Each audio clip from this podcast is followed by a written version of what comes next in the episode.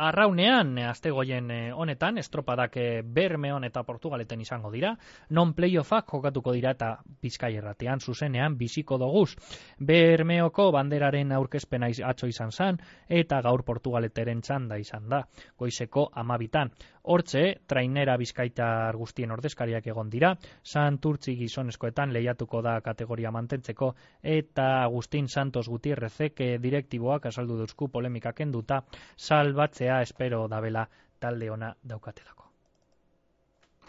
Ben bezala, bueno, ekipo ondo dago, e, espero dugu salbatzea, eta bueno, e, motivazioa ona daukate, ondo egiten da arrana, eta bueno, e, lasai gaude, hori da importantena, eta bueno, printzipioz, aberse gertatuko den azte buruan. E, bai, e, azkenean, pues bueno, e, gertatu dira, pues bueno, lausa pilo-pilo bat, e, un baten, pues hori deskalifikazioa, beste un baten, pues beste aerorita, eta bueno, gertatu dira, pues bueno, eh esan den bezala gauza pilo pilo bat.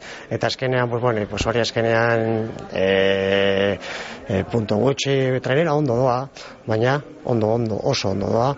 Eta bueno eh guztien osea eh ez dakit nola esaten pero bueno eh gustu dugu e, nivela ona daukagula. Eta bueno eh principios bueno lasai gaude lasai Bestalde, kaikuk emakumezkoetan promozioa bilatu gure dau, eta klubeko bokalak Javi Escobalek eh, kontxan emone eh, bene maia berriro erakustea espero dau gazteleraz. Con ganas de disputarlo eh, y por supuesto de conseguir ganar y eso conlleva subir. Claro que sí. El equipo, a ver, está bien, aunque la temporada es muy larga para todos y lógicamente quedan ya las últimas fuerzas que quedan para todo el mundo. Lo importante es que están suficientemente bien físicamente y muy, muy, muy bien psicológicamente. Y eso ayuda muchísimo, eso empuja una barbaridad. Así que yo creo que están en buena disposición de pelear este playoff, como el domingo pasado demostraron en la última jornada de, de la Concha, que fue una regata muy disputada, muy bonita, y yo creo que eso va a ser este fin de semana. Playoffetan guzti sartuz AZTko arbitroak ez da onartu ibaika AEK, AEKak e, aurkeztutako elegitea eiraiaren zeian azeteko lehiaketako epaile bakarrak, ebazpena emoneban, ibaikak, kaikuk eta sumaiak euskotren ligako playoffean aparte hartuko ebela argituz euskotren ligan.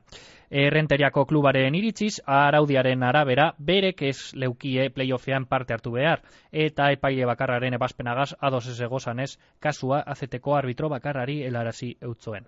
2008ko iraiaren amalauko arbitraje laudoaren bidez, AZTko arbitro bakarrak erabagi dau Ibaika e klubak e, aurkeztutako elegitea ez onartea eta lehiaketako epaile bakarraren ebazpena berrestea. Beraz, astegoien honetan, Ibaikak kaikuk eta sumaiak emakumezkoen playoffak jogatuko ditue 2008 lau denporaldiko euskotren ligarako azken txartela lorteko helburuaz.